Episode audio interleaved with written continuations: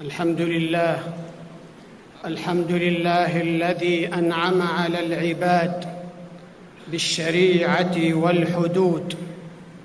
أحمده سبحانه وأشكره في القيام والقعود والسجود. وأشهد أن لا إله إلا الله وحده لا شريك له الغفور الودود. وأشهد أن سيدنا ونبينا محمدا عبده ورسوله. يجيء به ربه شاهدا في اليوم المشهود. صلى الله عليه وعلى آله وصحبه.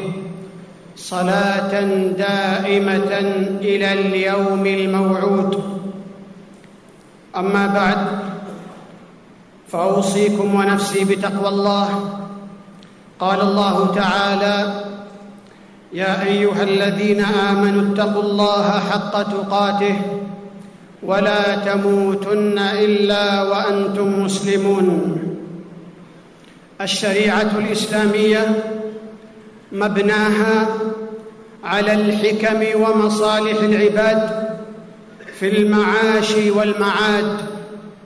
هي عدل كلها ورحمة كلها ومصالح كلها وحكمة كلها.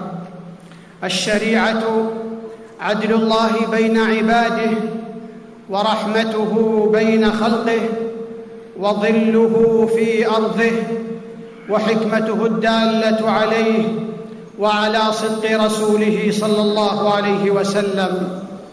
هي العصمة للناس وقوام العالم والحياة الإنسانية لا تصلح إلا بنظام ترجع إليه وتشريع يحكم أمرها وتمسك الأمة بشريعتها يغنيها عن الخوض مع المجادلين والتأثر بالمنازعين الذين يصدون عن منسك الهدى ويمعنون في منسك الضلال فالمسلم يمضي واثقا من منهجه مستقيما على نهجه. قال الله تعالى لكل أمة جعلنا منسكا هم ناسكوه فلا ينازعنك في الأمر وادع إلى ربك إنك لعلى هدى مستقيم. وإن جادلوك فقل الله أعلم بما تعملون. الله يحكم بينكم يوم القيامة فيما كنتم فيه تختلفون. من أوثق مقاصد الشريعة تحصيل المنافع وتعطيل المضار وعمارة الأرض على أساس العدل والأمن والسلام وحماية بناء المجتمع وعقيدته. من سمات سماحة الشريعة الإسلامية اتصافها بالإحسان في كل أحكامها وحدودها وتوجيهاتها لأنها شريعة الإحسان. كما قال صلى الله عليه وسلم إن الله كتب الإحسان على كل شيء وقال وأحسنوا إن الله يحب المحسنين وقال إن الله يأمر بالعدل والإحسان. إنها شريعة الله. أنزلت من لدن حكيم خبير لخير أمة أخرجت للناس. بالشريعة أصلح الله حالنا واستقام أمرنا ووهبنا بعد الخوف أمنا وأغدق علينا خيرات الأرض وأسقانا ماء غدقا. أولم يروا أنا جعلنا حرما آمنا ويتخطف الناس من حولهم حفظ تطبيق الشريعة وتنفيذ الحدود للوطن أمنه وللعباد استقرارهم وطمأنينتهم وفي الأطراف يتخطف الناس من حولنا بحروب تأكل الأخضر واليابس وقتل وتدمير فلله الفضل والمنة وله الحمد ظاهرا وباطنا. تطبيق شرع الله يحقق الحياة الكريمة فتنتشر الفضيلة ويعم الرخاء وتسود العزة والمنعة. وهي الحارس على مقدرات الأمة من عبث العابثين. إن تطبيق الحدود إعلاء للشريعة. وتمكين للأمة وقوة ونصرة. ولا يغيب عن الأذهان أن سيادة الشريعة وتطبيق أحكامها حماية للأمة من الفوضى والهلاك وفساد المجتمعات وذلك بالأخذ على أيدي السفهاء والمفسدين الذين يتنكبون الطريق ويرتكبون الجرائم وقد شبه الرسول صلى الله عليه وسلم المجتمع بالسفينة في البحر ولكي تنجو السفينة وتصل إلى شاطئ الأمان وجب منع المفسدين والمخربين من ثقبها. لقد عالجت الشريعة الجريمة قبل وقوعها بالحكمة والموعظة الحسنة والترغيب والترهيب. وبناء الوازع الديني وإحياء مراقبة الله. ومن عظمة هذا الدين أن الحدود الشرعية عادلة جاءت ملائمة لكل جريمة وذنب حسب قوتها وضعفها وواقعة موقعها.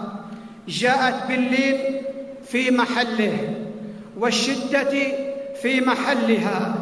تبدأ في الدعوة باللين والرفق فإذا لم يؤثر ذلك وتجاوز الإنسان حده وطغى وبغى أخذته بالقوة والشدة وعاملته بما يردعه ويعرفه سوء عمله. ولهذا جاءت عقوبة المحاربين المفسدين في الأرض أشنع عقوبة وأشدها. قال الله تعالى إنما جزاء الذين يحاربون الله ورسوله ويسعون في الأرض فسادا أن يقتلوا أو يصلبوا أو تقطع أيديهم وأرجلهم من خلاف أو ينفوا من الأرض. ومما هو مسلم به بين العقلاء أن كل عقاب لا بد فيه من قسوة وشدة ومن الشرع والعقل والحزم بتر العضو غير السوي الذي يشعل الفتنة ويثير القلاقل وتولد حركته فشو الشر وزعزعة الأمن ويورث بقاؤه ضررا على سلوك الأفراد وافسادا في المجتمع. والذين يشككون في العقوبات عطفوا على المجرم وضيعوا حقوق المجتمع رحموا الجاني وغفلوا عن المجني عليه نظروا إلى العقوبة وتناسوا بشاعة الجريمة. هذه العقوبات تدل على عدل الله وحكمته لأنها محققة للمصالح العامة وحافظة للأمن العام. قال الله تعالى ولكم في القصاص حياة حياة في الحياة بشمولها وتنوعها حياة في الأنفس بحفظ الدم الحرام من أن يسفك وحياة في الأموال بعدم الاعتداء على حقوق الآخرين وحياة في الأعراض كي لا تستباح.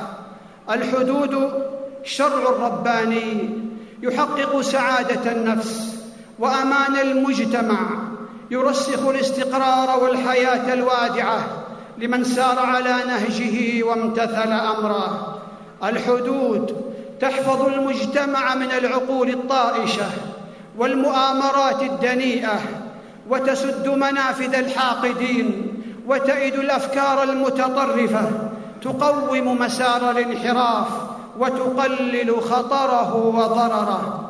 لم تشرع الحدود للتشفي والانتقام وإلحاق الأذى بالجاني وإنما غاياتها نبيلة وأهدافها سامية أعظمها المحافظة على المصالح الكبرى للمجتمع وهي الدين والنفس والعقل والمال والعرض هي رحمة لمن يروم الإجرام لأنها تزجرهم عن ارتكاب الجرائم فينأون بأنفسهم عن العقاب.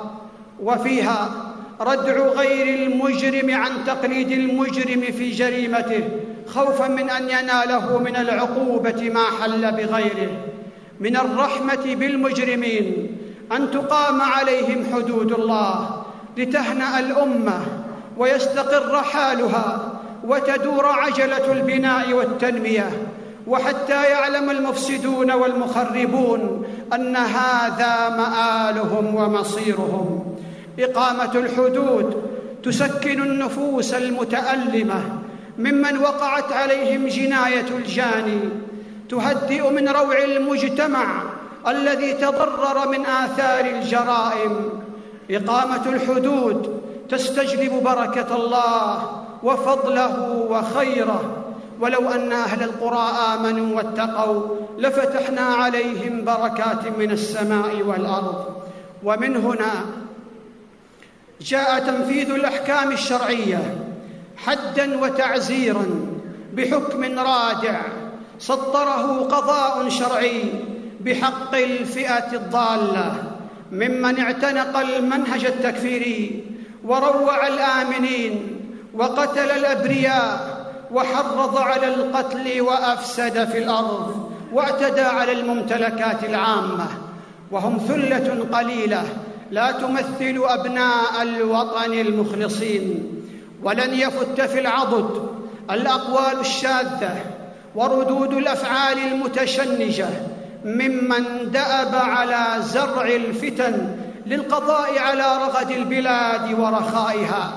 أصحاب تلك الأقوال أصحاب تلك الأقوال هم أساس الإرهاب واسه ومنبعه وأصله يموهون على السذج بدعايات زائفة وشعارات براقة لا رصيد لها من الواقع يوظفون ضعاف النفوس وموت الضمائر في خراب مجتمعاتهم وإفسادها والعالم الإسلامي يعي ويدرك أعمالهم البائسة لإشعال فتيل, فتيل الفتن ويتصدى المسلمون لهذه الممارسات بالوعي والتآلف والتكاتف وجمع الكلمة.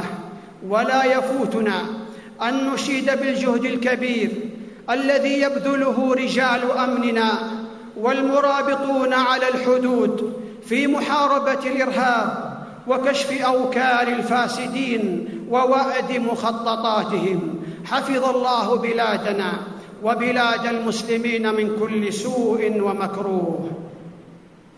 قال رسول الله صلى الله عليه وسلم من أتاكم وأمركم جميع على رجل واحد يريد أن يشق عصاكم أو يفرق جماعتكم فاقتلوه.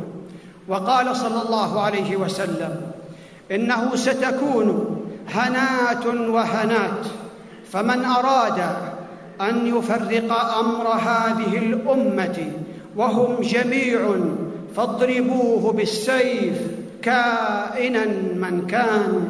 بارك الله لي ولكم في القرآن العظيم ونفعني وإياكم بما فيه من الآيات والذكر الحكيم. أقول قولي هذا وأستغفر الله العظيم لي ولكم فاستغفروه إنه هو الغفور الرحيم. الحمد لله على نعمه العظيمة وآلائه الجسيمة. وأشهد أن لا إله إلا الله وحده لا شريك له. وأشهد أن سيدنا ونبينا محمدا عبده ورسوله صلى الله عليه وعلى آله وصحبه. أما بعد فأوصيكم ونفسي بتقوى الله. ولا يجوز للمؤمن أن يشمت بمن أقيم عليه حد أو قصاص. وقد أنكر النبي صلى الله عليه وسلم على خالد بن الوليد رضي الله عنه سبه للثيب التي رجمت حدا للزنا. تطبيق الحدود تكفر سيئات الجاني كما تمحو التوبة الذنب. قال رسول الله صلى الله عليه وسلم بايعوني على الا تشركوا بالله شيئا ولا تسرقوا ولا تزنوا ولا تقتلوا أولادكم ولا تأتوا ببهتان تفترونه بين أيديكم وأرجلكم ولا تعصوا في معروف. فمن وفى منكم فأجره على الله ومن أصاب من ذلك شيئا فعوقب في الدنيا فهو كفارة له. ومن أصاب من ذلك شيئا ثم ستره الله فهو إلى الله إن شاء عفا عنه وإن شاء عاقبه. ألا وصلوا عباد الله على رسول الهدى فقد أمركم الله بذلك في كتابه فقال إن الله وملائكته يصلون على النبي يا أيها الذين آمنوا صلوا عليه وسلموا تسليما اللهم صل على محمد وأزواجه وذريته كما صليت على آل إبراهيم وبارك على محمد وأزواجه وذريته كما باركت على آل إبراهيم إنك حميد مجيد وارض اللهم عن خلفاء الأربعة الراشدين أبي بكر وعمر وعثمان وعلي وعن الآل والصحب الكرام وعنا معهم بعفوك وكرمك وإحسانك يا أرحم الراحمين. اللهم أعز الإسلام والمسلمين. اللهم أعز الإسلام والمسلمين. اللهم أعز الإسلام والمسلمين. وأذل الكفر والكافرين. ودمر اللهم أعداءك أعداء الدين.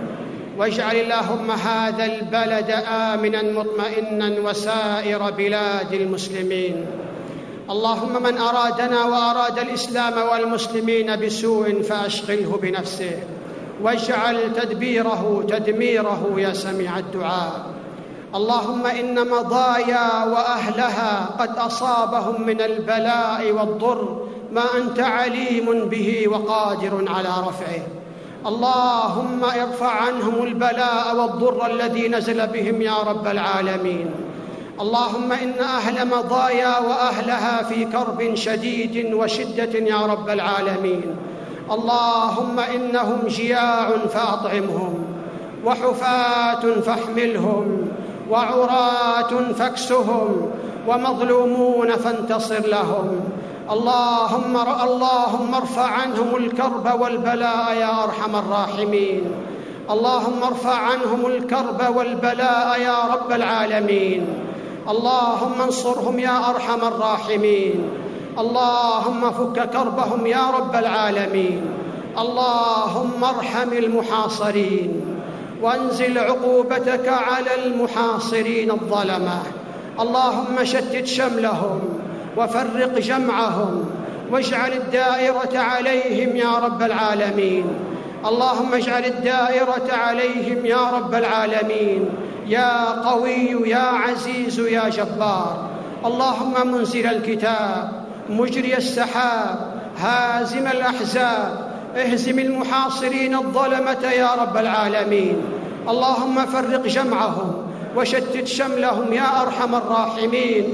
إنك على كل شيء قدير وبالإجابة جدير. سبحان ربك رب العزة عما يصفون وسلام على المرسلين والحمد لله رب العالمين.